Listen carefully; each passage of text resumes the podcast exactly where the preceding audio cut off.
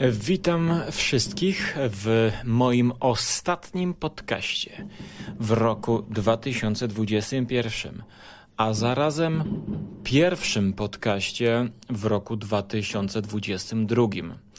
Wpadłem na genialny pomysł, aby uczcić ideę podcastingu i uwznioślić ją jak tylko można.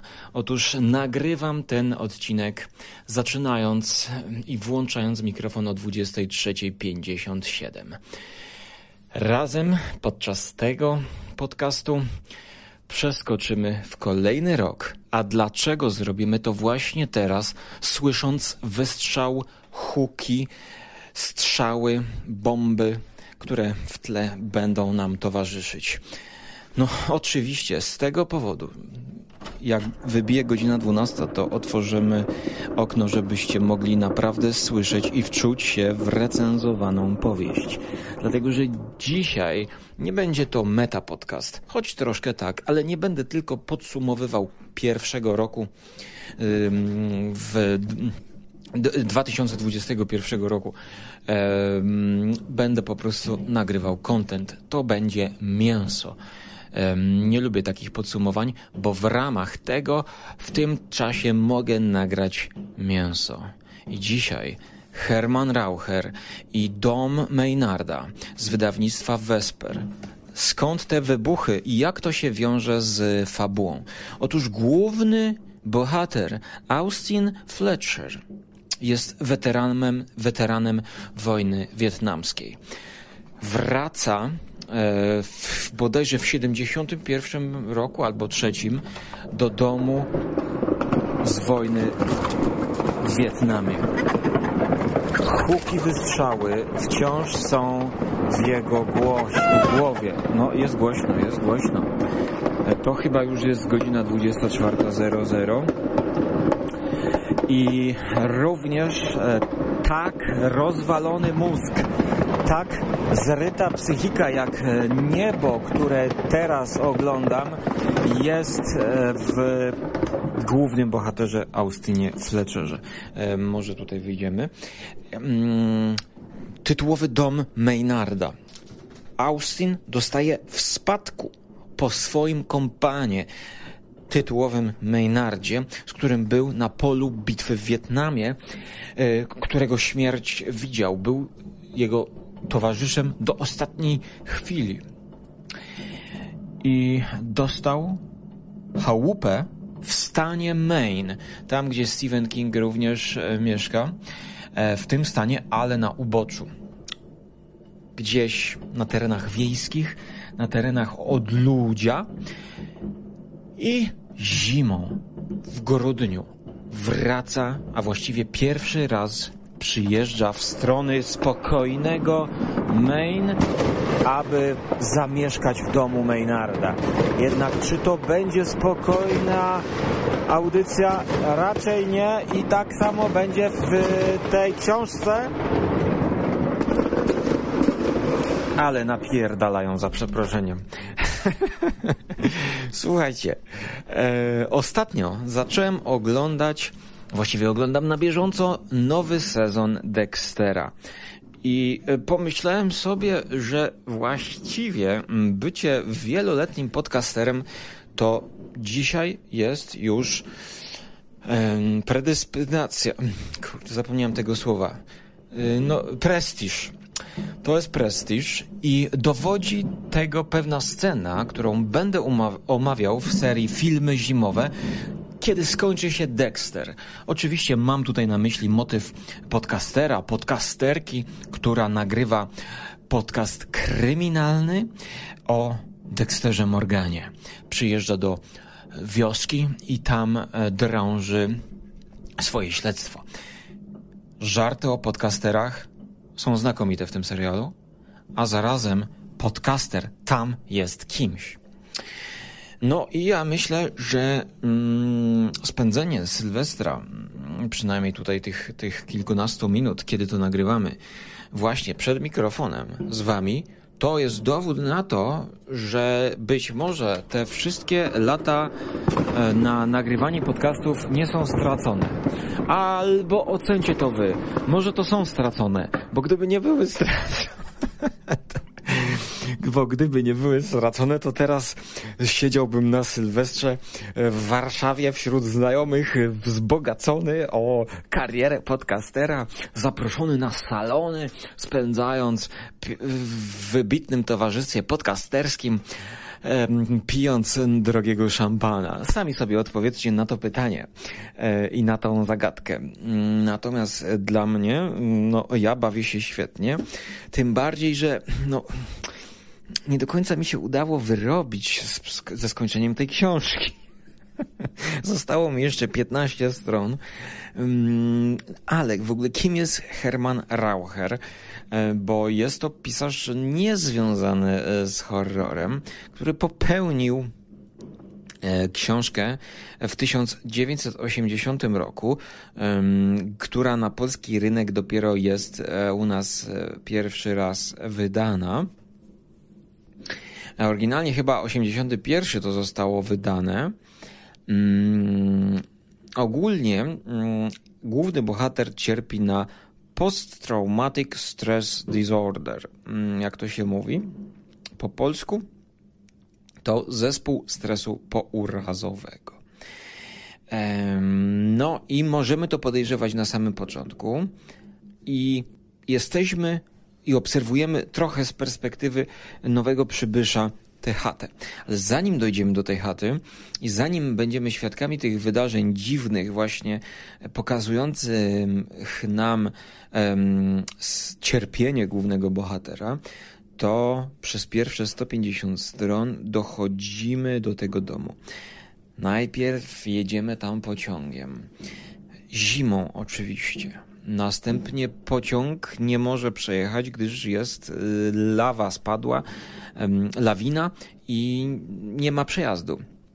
Mm, idziemy następnie z plecakiem pieszo, brniemy przez e, te, te, lasy stanu Maine, dochodzimy do pewnej opuszczonej stacji, nie opuszczonej, do stacji e, kolejowej, gdzie jest e, mężczyzna, który no, trochę też pomaga Austinowi.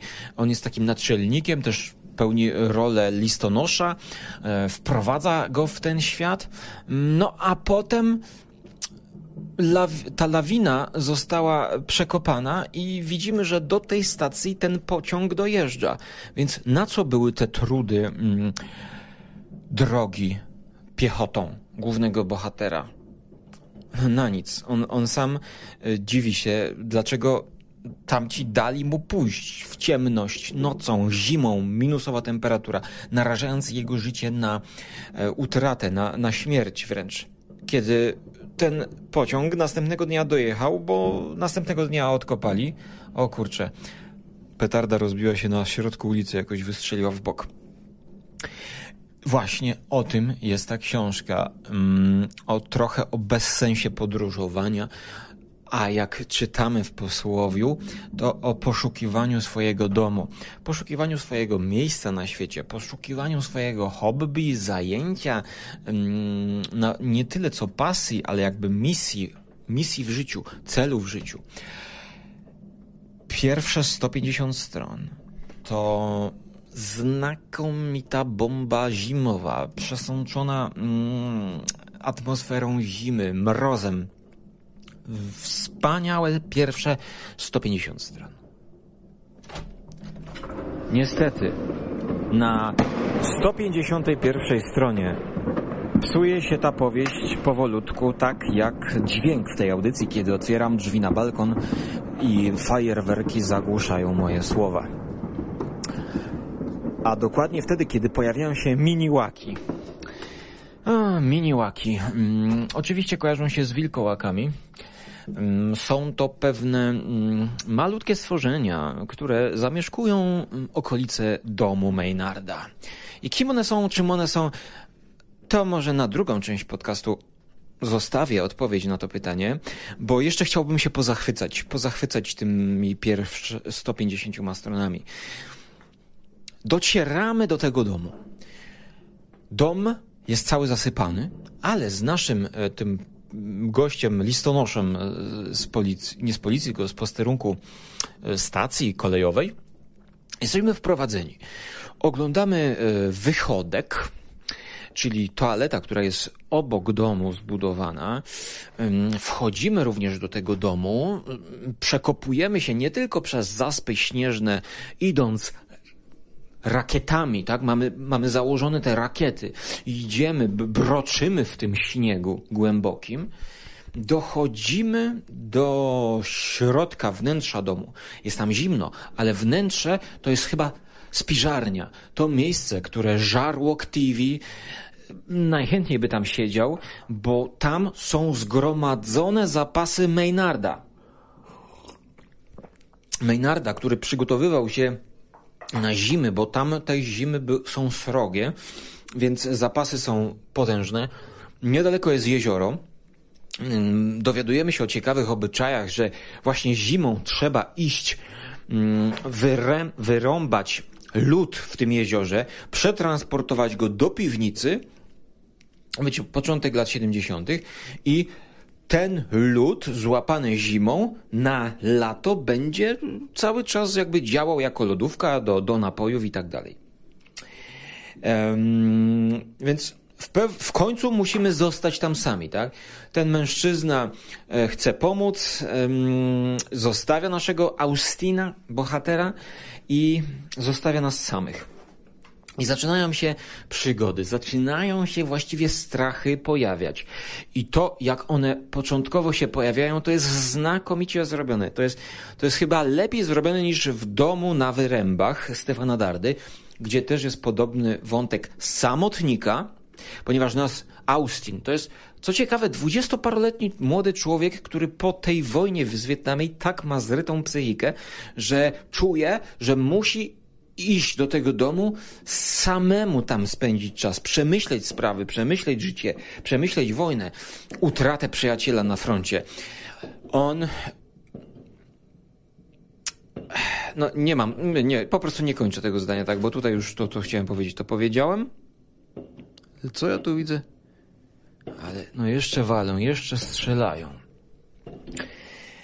I jeszcze jemu strzelają wystrzały w Wietnamie, ale dopiero w drugiej części książki i pod koniec tej książki to ten Wietnam wręcz namacalnie pojawi się w tej chacie.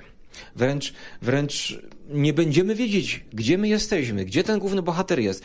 Czy on jest w Wietnamie i ta chata jest wyobrażeniem, czy może e, ten Wietnam jest wyobrażeniem, a może on jest Maynardem. On sam już nie wie, kim jest, się gubi trochę w tym wszystkim.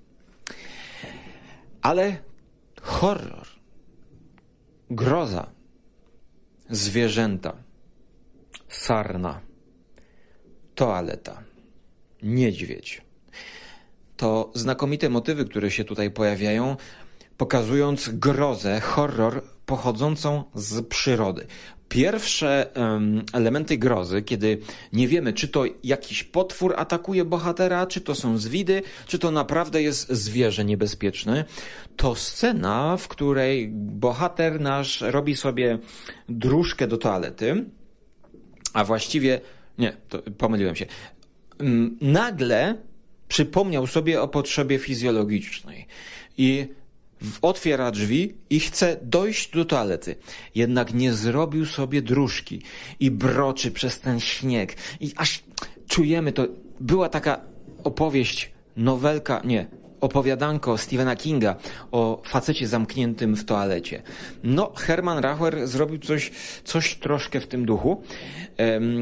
Dla, wcześniej oczywiście, dlatego że Najpierw za potrzebą bohater dociera w ostatniej chwili na toaletę, siada, robi co potrzeba, czujemy ulgę, ale już on wie, że musi sobie zrobić dróżkę, bo no, no, no, proste rzeczy sprawiają duże problemy w takich warunkach.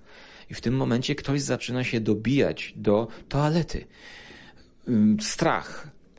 Drzwi otwiera, no nie wiadomo, początkowo wydaje się jakiś potwór, bo słyszymy za tych drzwiczek drewnianych toalety e, jakieś wycie, jakieś szarpanie, jakieś takie stęki, jęki. Okazuje się, że to jest chyba jeleń albo sarna. I sarna wchodzi. Facet siedzi na kiblu, jest zdziwiony, bo ta sarna mu się wpieprza. Wchodzi, i jak to cytuję, jest opisane, chce zjeść i odgryźć jego marchewkę. Dobiera mu się do krocza. Jest to scena i śmieszna, i straszna trochę. Wszyscy ci, którzy mieli problemy z toaletą, która nie ma zamknięcia, wszyscy ci, którzy mają koszmary takie, no ja na przykład mam takie koszmary, że chcę mi się wysikać i wchodzę, szukam normalnie toalety i wszędzie, gdzie znajduję, to toaleta jest bez zamknięcia. I normalnie muszę się obudzić i wstać i wysikać się do kibla. A jeszcze gorsze te sny mam takie i to naprawdę powtarza mi się często, śni mi się to. Mojemu dziadkowi też to się śniło. Albo mu się nie śniło i taki dziad, i taki żart opowiadał że właśnie e, śni mu się, że chce mu się wysikać i nie ma, nie ma nie, wszędzie, a on opowiadał, że wszędzie kible są zamknięte i musi wstać i iść do swojego. No więc, mm, no więc, no więc, Swoją drogą właśnie ten dziadek, no niestety teraz jest obłożnie chory i po prostu jest całkowicie unieruchomiony i umiera w łóżku. A żarty miało kapitalne. E, no, natomiast, natomiast, e, on nawet e, jest nakręcony na Żarłok TV. Kiedyś będzie, myślę, ciekawy odcinek jeszcze z dwoma moimi dziadkami żyjącymi wtedy, gdzie na Dzień Dziadka przebrałem się za dziadka i, i taki odcinek pijemy piwo pod piwek. Myślę, że będzie ciekawy, ale no jeszcze muszę trochę jakby dojrzeć, żeby to mieć siłę zmontować. No to właśnie jeszcze ten sen dopowiadam, że śni mi się, że chcę się wysikać.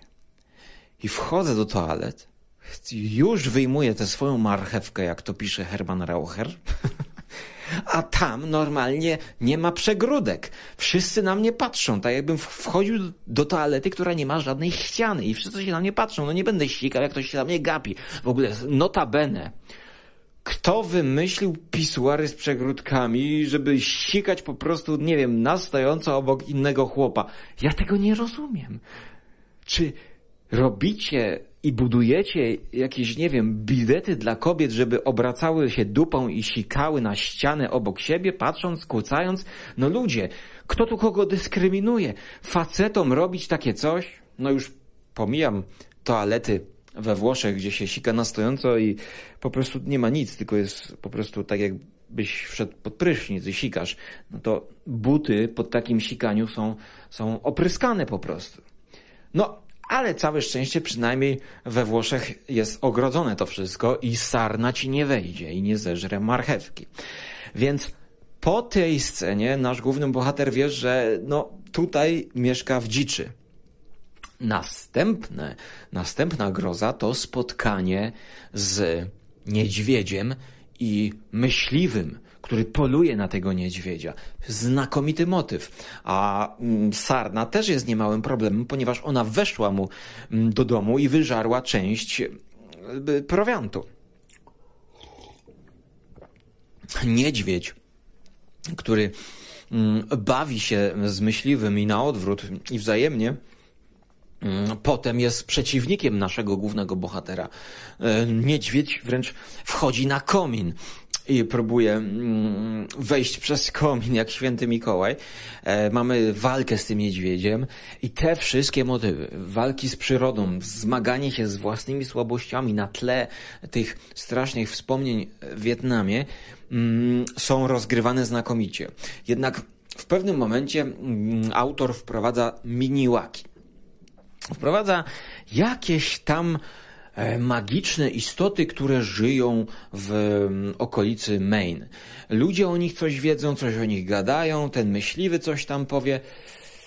Mm, no i Raucher próbuje to w pewnym momencie przekuć na niedopowiedzenie, bo może te miniłaki on sobie wyobraził, główny bohater, może on sobie wkręca, że są jakieś miniłaki, ale przecież widział tego miniłaka. To butelka spadła. Pewnie miniłak ją zrzucił, bo jest wielkości skrzata. Główny bohater widzi w pewnym momencie tego miniłaka i mówi, że wygląda jak skrzat jakiś. No to nagle wprowadzone są skrzaty tam. A jeszcze nieopodal domu jest stare, powyginane, czarne, mroczne drzewo wiedźmy. Gdzieś kiedyś tam jakaś wiedźma była. No i ta wiedźma w drugiej części książki, to niestety tej gorszej części, e, wraca i zaczyna trochę straszyć. Najgorsza scena to jest chyba scena z nawiedzonym kapeluszem, e, który to kapelusz wiedźmy e, jakby próbuje się dostać do domu i wejść i wbić. Troszkę już to jest za dużo grzybów w barszczu dla mnie. Mm, następnie Kolejny motyw dorzucony tutaj to motyw dzieci. Ara i Frum. Dwie, dwa dzieciaki, mm, chłopak i dziewczynka, którzy mm, bawią się w okolicy. No i ja się zastanawiam, zaraz dzieci w okolicy, przecież tutaj dopiero co naczelnik poczty i stacji mówił, że 10 e, kilometrów jest do najbliższej chałupy i tu się bawią jakieś dzieci no to pewnie to są znowu jakieś fascynacje, imaginacje głównego bohatera. Tym bardziej, kiedy ta dziewiętnastoletnia dziewczynka zaczyna tańczyć i zaczyna się jakiś seksualny podtekst pojawiać w tej książce pomiędzy bohaterem a y, tą dziewczynką. Mm, bohater zadaje sobie pytania, czy, czy to jest, czy to nie jest, mm, nie wiem jak, nie pamiętam dokładnie, bo mm, nie pamiętam dokładnie, czy tam się pojawia ten wątek pedofilski, ale w końcu to, to jest chyba 19 lat i tam 24 lata ma główny bohater, więc, więc trochę to, to jest dla mnie przesadzone, bo, bo to mógł być jakby związek po prostu chłopaka i dziewczyny.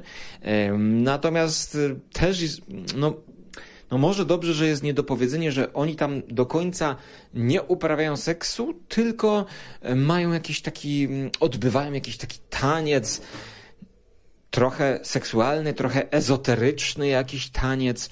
Mm, notabene w wydaniu Vespera oczywiście mamy obrazki czarno-białe. Podobne jest to wydanie e, do mm, Chaty na krańcu świata. Swoją drogą Pola Trembleya chyba jednak wyżej, zdecydowanie wyżej oceniałbym tę, tą książkę chyba, tak całościowo.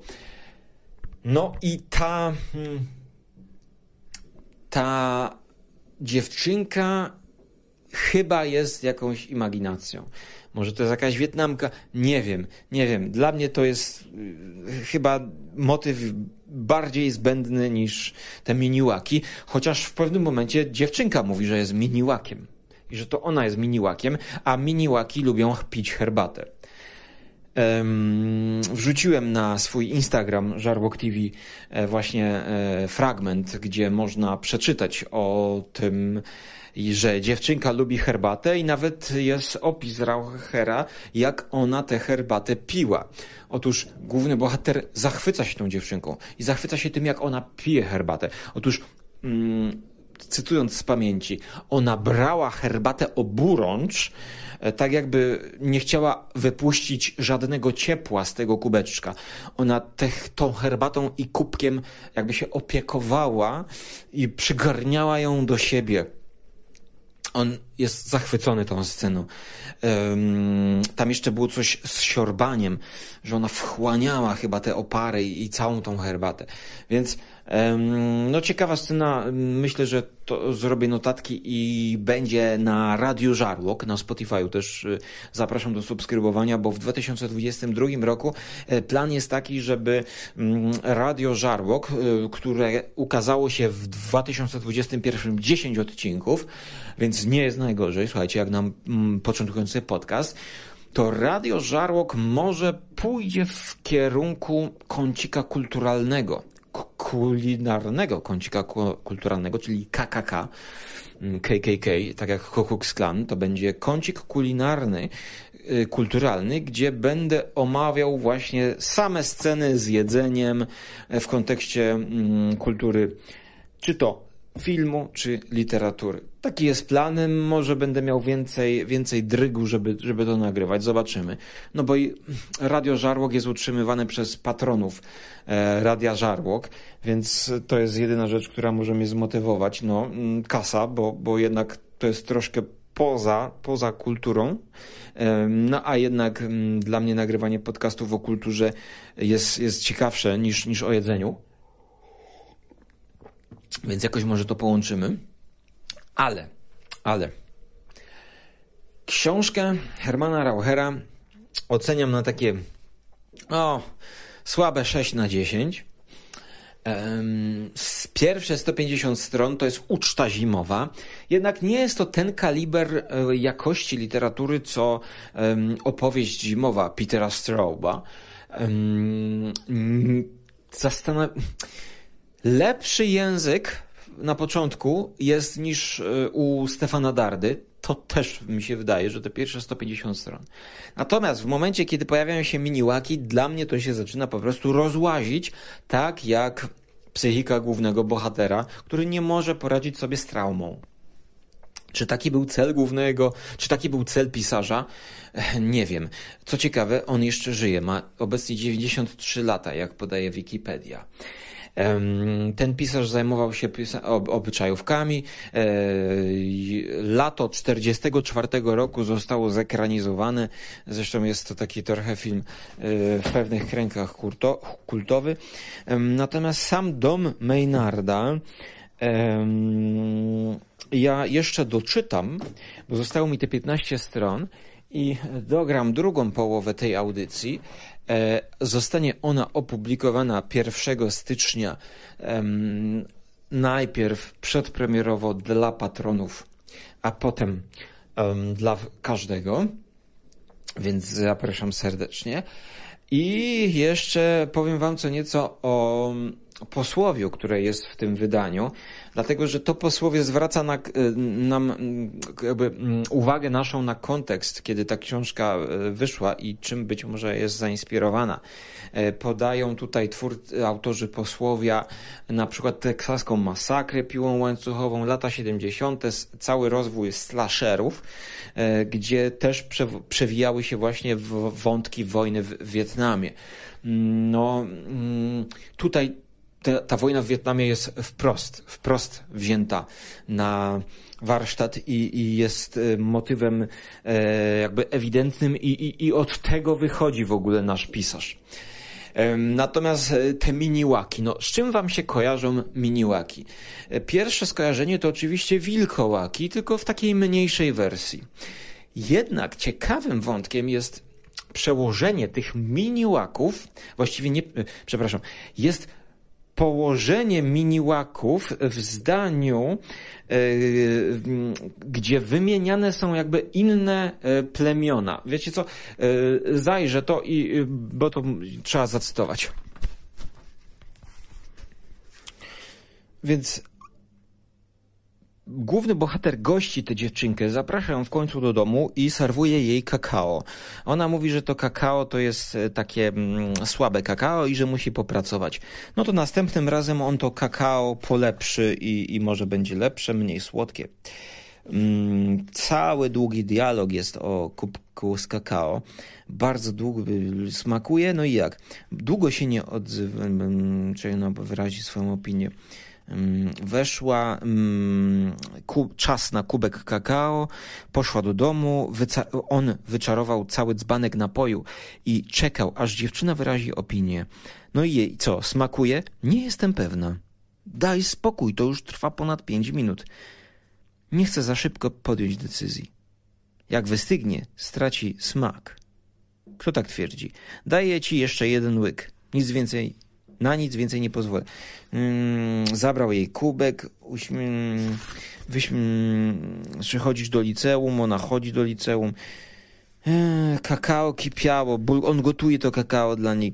Kakao wylewało się z kociołka. Musiał użyć rękawicy, żeby zdjąć go z okna. Teraz będzie za gorące. Jak jest za gorące, traci smak.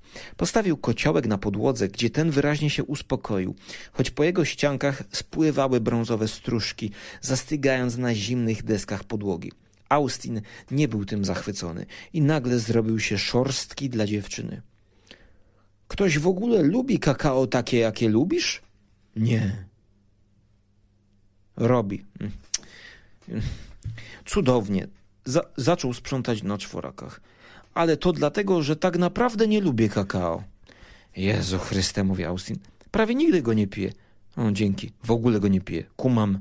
Kakao to był twój pomysł, nie mój. Wolałabym herbatę. Cóż, nie mam herbaty, tyle na ten temat. Miniłaki wolą herbatę. Nie wiedziałeś o tym? Nie, jestem tu nowy. Miniłaki wolą herbatę. Penopszkoty lubią kawę. Pasamałak, pasamakłodzie wolą kakao.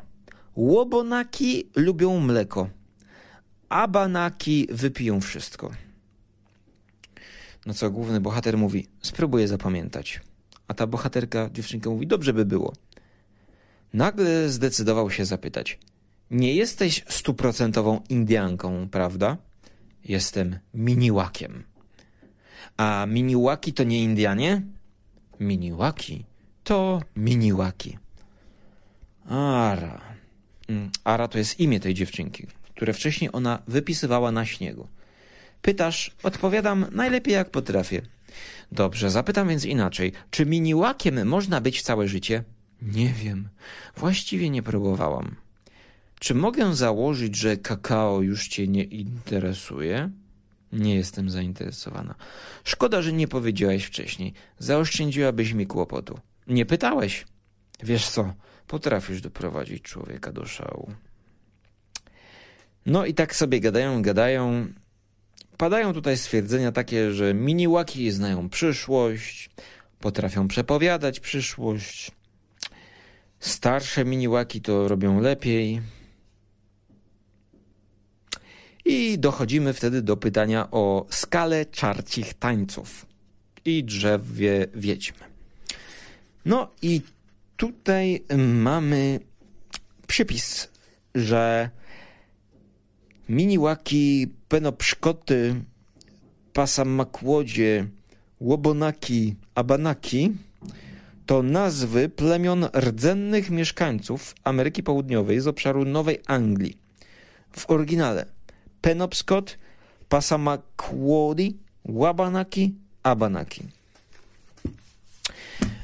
Po to wszystko wam to czytam, żebyście jeszcze zwrócili uwagę na jeden motyw właśnie rdzennych mieszkańców Ameryki, e, którzy zostali e, w myśl tej narracji jakby przez Amerykanów e, wyrzuceni, to nie jest nasza ziemia, to nie jest nasz kraj. I ten wątek tutaj się pojawia, tak? który, który w, w kulturze amerykańskiej jest znany od czasów wiem, westernów, a może i wcześniej i tak dalej, i tak dalej odkąd no,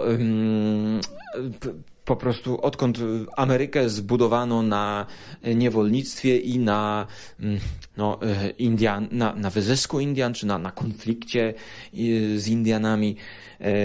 Nie jestem historykiem, więc nie będę w to wchodził, ale ten wątek tutaj prze, prze, przemija, przepraszam, przebija być może w taki sposób, że ten główny bohater no w jakiś sposób wchodzi w kontakt, no nie wiem, seksualny z tą Indianką, z tym dzieckiem, czy ona jest bezbronnym dzieckiem, czy ona jest Indianką, czy ten miniłak, który powinien być nakarmiony herbatką, a nie kakao, ma symbolizować nam właśnie ten, ten, uci tych uciskanych Indian. No, ja szczerze mówiąc nie wiem i mnie to nie obchodzi, ponieważ to nie trzyma się tej gatunkowej yy, przysłowiowej kupy, yy, żeby mi się chciało to w ten sposób interpretować, tak jak yy, no, lepiej udało się to u Stefana Dardy, gdzie była chata w lesie, no co prawda bez śniegu. Yy, ten śnieg u Stefana Dardy być może się tam epizodycznie pojawiał, jak, jak zima przyszła. Yy, i, I niestety mam ambiwalentne odczucia co do tej książki, ponieważ zaczyna się rewelacyjnie, a potem za dużo jest wątków, czyli czarownica, latający kapelusz, nawiedzony kapelusz, który chce się włamać do mieszkania, e, miniłak, który chce herbaty pić, e, dziewczyna, ten cały seksualny taniec, e, i potem jeszcze ten Wietnam powraca do głównego bohatera w postaci wizji jakichś takich mm, koszmarów. Ech. Mogło się to lepiej wszystko kończyć. Mogła ta druga połowa być tak samo bardziej wyważona jak, jak ten początek, który jest rewelacyjny. No i, i temu samemu początkowi no, nie mogę odmówić 8 na 10, to jest 150 stron. To, to dochodzenie do tego domu, odkrywanie tego domu, ten, ten spokój, ten, ten, ten zastygnięty świat przesypany śniegiem, który jest poza zawieruchą wojenną, całkowicie no, martwa natura wręcz, tak? Martwa natura dosłownie, na, natura w, i, i, i w przenośni też. Ponieważ te pejzaże, wszystkie górskie, powoli nam się ożywiają, jak na obrazach, kiedy te zwierzęta przychodzą. To jest, to jest piękne. Ale niestety, no, no nie mogę polecić tej książki jako całości. Nie, a, ale, ale cieszy mnie, że to zostało wydane. Choć cieszy mnie też, że ja no to kasy nie wydałem, bo tak jak pokazywałem na filmiku y, dla patronów y, w bibliotecznym holu, to wypożyczyłem sobie to z biblioteki. I wydaje mi się, że to może być dobry um, sposób na podejście do tej książki. Pożycz od kolegi. Zacznij czytać. Jak dojdziesz do miniłaków, no to już od ciebie i od twojej cierpliwości zależy, ile będziesz w stanie zdzierżyć tego wszystkiego. A ja już kończę w tym roku 2022, szanowni państwo. Witam was, witam was. E, o tym, że podcasting jest ważny dla mnie, to myślę, że już wszyscy wiecie. Ale może to, co pokazali w Dexterze, e, jednocześnie żarty z podcasterów, niespełnionych dziennikarzy, niespełnionych reporterów, niespełnionych radiowców i tak dalej, i tak to z drugiej strony podcaster w Dexterze to jest ktoś, kto może namieszać. Um, bardzo mi się podoba ten nowy sezon Dextera. Znaczy bardzo, no jest, jest porządnym powrotem. To nie jest e, sentyment, e, jakby pusty sentyment, to jest po prostu mięsisty sezon Dextera, pełnoprawny, powiedziałbym jak na razie. Aczkolwiek podcasterami w nowym roku zajmiemy się w osobnych odcinkach serii Filmy Zimowe, mm, gdzie zaczniemy od serialu Dextera, a tym odcinkiem chciałem zainaugurować sezon 2021 na 2022. Nowy sezon podcasterski i nowy sezon filmów zimowych, bo ta książka również w drugiej połowie to jest 100% zimy. To jest po prostu full winter. Niestety wolałbym wybrać jednak Dana Simonsa i Terror, e, który wydaje mi się książką bardziej poważną, no, no, no, zacząłem czytać Dana Simonsa. Nie wiem, czy w tym roku w ogóle go łyknę, bo chciałbym naprawdę porządnej zimy i w Wigilię w ogóle i w święta było dużo śniegu i to mnie też bardzo cieszyło i czytało się to, szło się przez te, mimo że miniłaki próbowały mnie wystraszyć i zniechęcić, no to właśnie to połączenie. Mm, a teraz jeszcze ta wisienka na torcie dla was, te dźwięki fajerwerków, które kojarzą się wam, jakbym był na froncie, w Wietnamie nagrywał. Swoją drogą, właśnie miałem w sumie od tego też zacząć, że ta wojna w Wietnamie to trochę mnie wprowadzała e, w świat e, kultury, ponieważ, słuchajcie, kiedyś, panie, kiedyś na Amidze, jak chodziłem do swojego kuzyna, pograć w gry, a właściwie pooglądać jak kuzyn gra w grę. Na Amidze była taka gierka, która nazywała się Lost Patrol. Zagubiony patrol. To było o zagubionym patrolu żołnierzy w Wietnamie. I od tego zaczęła się moja fascynacja wojną w Wietnamie. To jedyna wojna, która mnie w życiu interesowała. Chyba z tego powodu, że w tej grze byli Wietnamczycy pozasadzani w dżungli. I oni mieli nie dość, że ukryci byli, więc mogli wyskoczyć z każdej strony, to, to było zaskakujące, to oni robili pułapki, więc można było wpaść w pułapkę. Chodzenie przez tę dżunglę wietnamską było jak chodzenie po labiryncie, a ja zawsze fascynowałem się labiryntami. i pułapkami. Więc kiedy wyszła kolejna gierka Dungeon Keeper, o panie, wybuduję sobie swoje lochy. Tu będą pułapki, pułapki, buduję pułapki, buduję labirynt i przychodzą rycerze, aby poskromić władcę podziemi. A tutaj mam pułapki i oni wchodzą w moje pułapki, a ja tą rączką zrzucam im goblinów. Jestem królem goblinów, jak w z Davidem Bowiem labirynt. Mm, zaraz.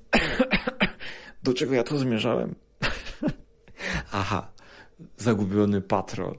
No i na Amidze to była gierka. Zaraz chyba i poszukam i jakiegoś emulatora zainstaluję i będę grał i patrzył.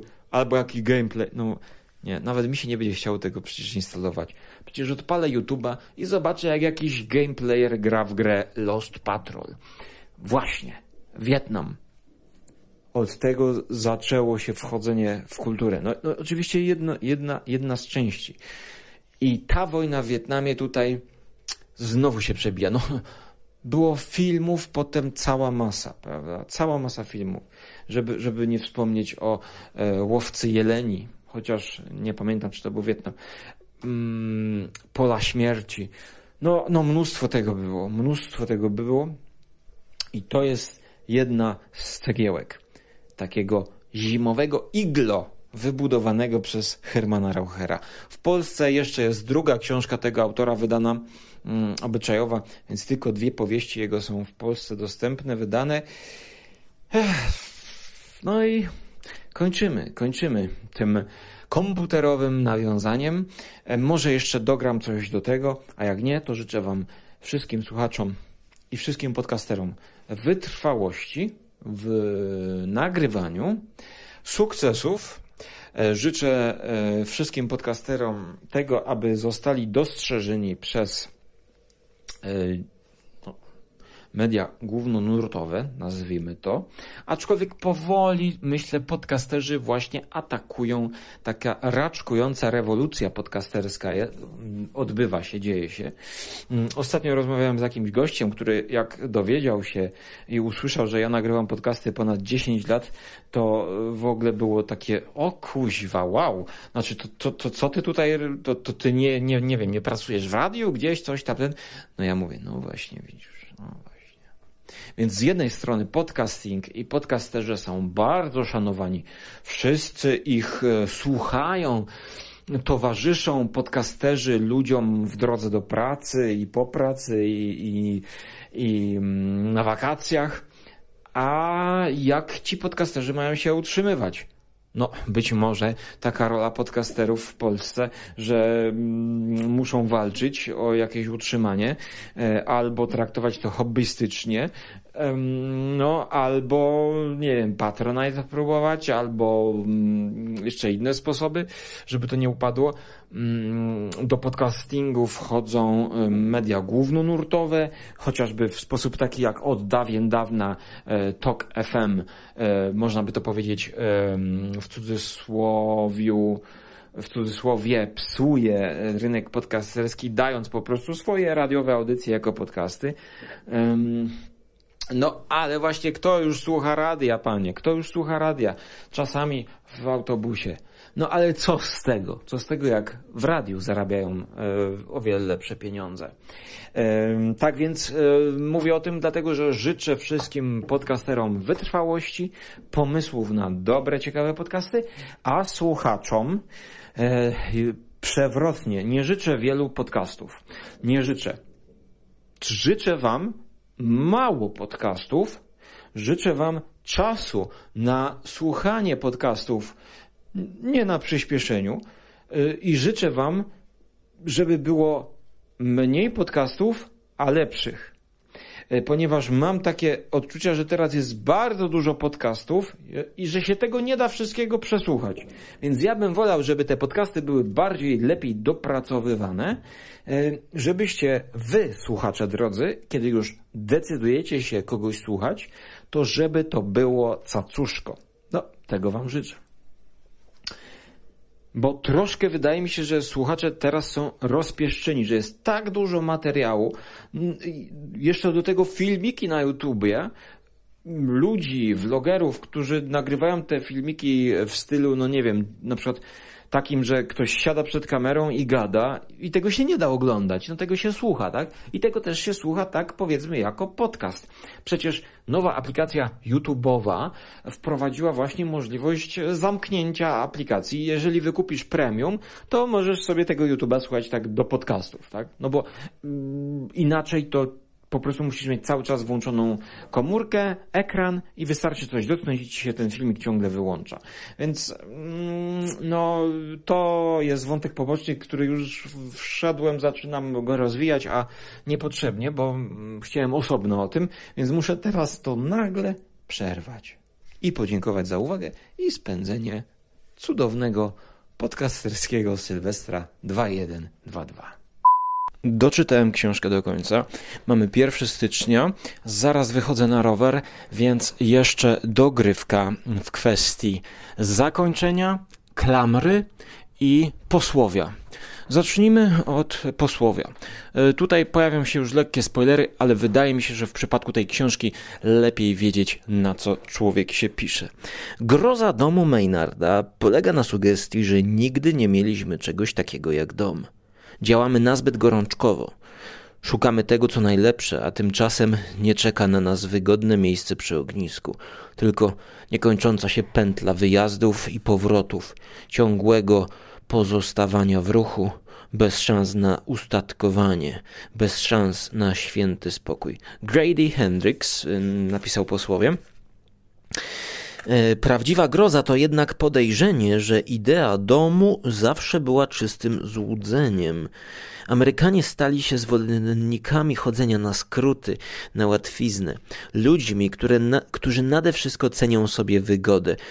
Oczywiście tak, tylko Amerykanie nazbyt cenią sobie wygodę jeżdżą autostradami zamiast trudniejszymi drogami wiejskimi. Trzeba by być idiotą, żeby jadąc samochodem skręcać e, w, w wrong turn. Wszyscy oglądaliśmy już wrong turn i wiemy jak to się kończy. Oglądają telewizję zamiast spędzać czas z dziadkami. Kiedy wyjechali z miasta na wieś, nie czekały tam na nich domy z otwartymi przyjaźnie drzwiami. Zastali za to ludzi, którzy nie rozumieli, których nie rozumieli, zresztą nie byli również przez nich tam rozumiani. E, idea tego domu, który nigdy nie jest naszym domem, jest bardzo właśnie ciekawa i groźna, jednak niestety nie przebija dla mnie z tej książki um, Rauchera. Zakończenie tej książki daje nam pewną klamrę, która też jest wyjaśniona w samym posłowiu, że ten główny bohater Austin, który powrócił, być może to jest sam tytułowy Maynard który symbolicznie zmarł w Wietnamie i jest innym człowiekiem, kiedy wraca do domu po wojnie. E, więc mamy taką klamrę, tym bardziej, że pod koniec tej książki on znowu wyjeżdża. Wyjeżdża pociągiem i jakby znowu wraca. E, ten czeladnik, mm, naczelnik stacji kolejowej mm, woła do niego po imieniu Maynard, nie Austin. Więc jest to, mm, jest tu coś na rzeczy i jest ta konstrukcja taka kolista, e, elipsę, elipsę mamy. To wszystko zawraca do punktu wyjścia. Ten człowiek będzie cały czas powracał i wyjeżdżał, i powracał i wyjeżdżał. I e, samo to zakończenie, ta koncepcja jest fajna. E, no jednak mm, nie spina się mm, perfekcyjnie. Dziwi mnie, że ten w posłowiu, mm, no ja bym pominął, ja bym pominął milczeniem scenę nawiedzonego kapelusza. E, zaraz wam tutaj przeczytam. I dodam jeszcze, że ten horror nie był zekranizowany. A szkoda, bo gdyby go zekranizowano w 80 latach w takim duchu Ghost Story, jak była ekranizacja Ghost Story Petera Strauba, to wydaje mi się, że mógłby powstać taki dramat, taki ciężki dramat, gdzie nawet ta scena z, z kapeluszem mm, mogłaby jakoś zagrać, o ile nie robiliby z tego jakiegoś horroru rodem z lśnienia y, Kabryka bardziej, gdyby postawili na dramat niż na horror, chociaż no, no, no, dla mnie ta wiedźma tutaj jest jak pięść do nosa, a um, pisze, że e, wycisnął wszystko z tego nawiedzonego kapelusza. Autorowi domu Maynarda udało się wycisnąć maksymalną dawkę strachu w scenie zbudowanej na raczej głupiutkim założeniu, że dorosły mężczyzna może być ścigany przez spiczasty kapelusz wiedźmy. Książka została pozytywnie oceniona przez krytyków, a Washington Post nazwan, nazwał ją godną podziwu hybrydą lśnienia, łowcy jeleni i lolity. Jednak Raucher przestał być już autorem wytyczającym nowe trendy. On jeszcze y, y, przerobił Ode to Billy Joe, piosenkę na film. Y, tutaj sprostowanie chodziło o lato roku 42, a nie 44. Y, co ciekawe, napisał też sztukę sceniczną, w tym sztukę Harold, gdzie zagrał młody Anthony Perkins w roli głównej. Niestety to ściągnięto mm, z Broadwayu e, po 20 dniach. Mm, więc pisarz, pisarz ciekawy, był na pierwszych stronach gazet e, swego czasu. A, a książka Dom Maynarda, pisana w 80 roku, wydana w 81 jest e, chyba takim pewnym odskokiem, odskokiem w bok w jego twórczości. I mm, weźmy też pod uwagę ten motyw tej Lolity, właśnie tutaj drugie sprostowanie, nie 16, e, nie 19 lat bodajże, ta dziewczyna, a 16 lat.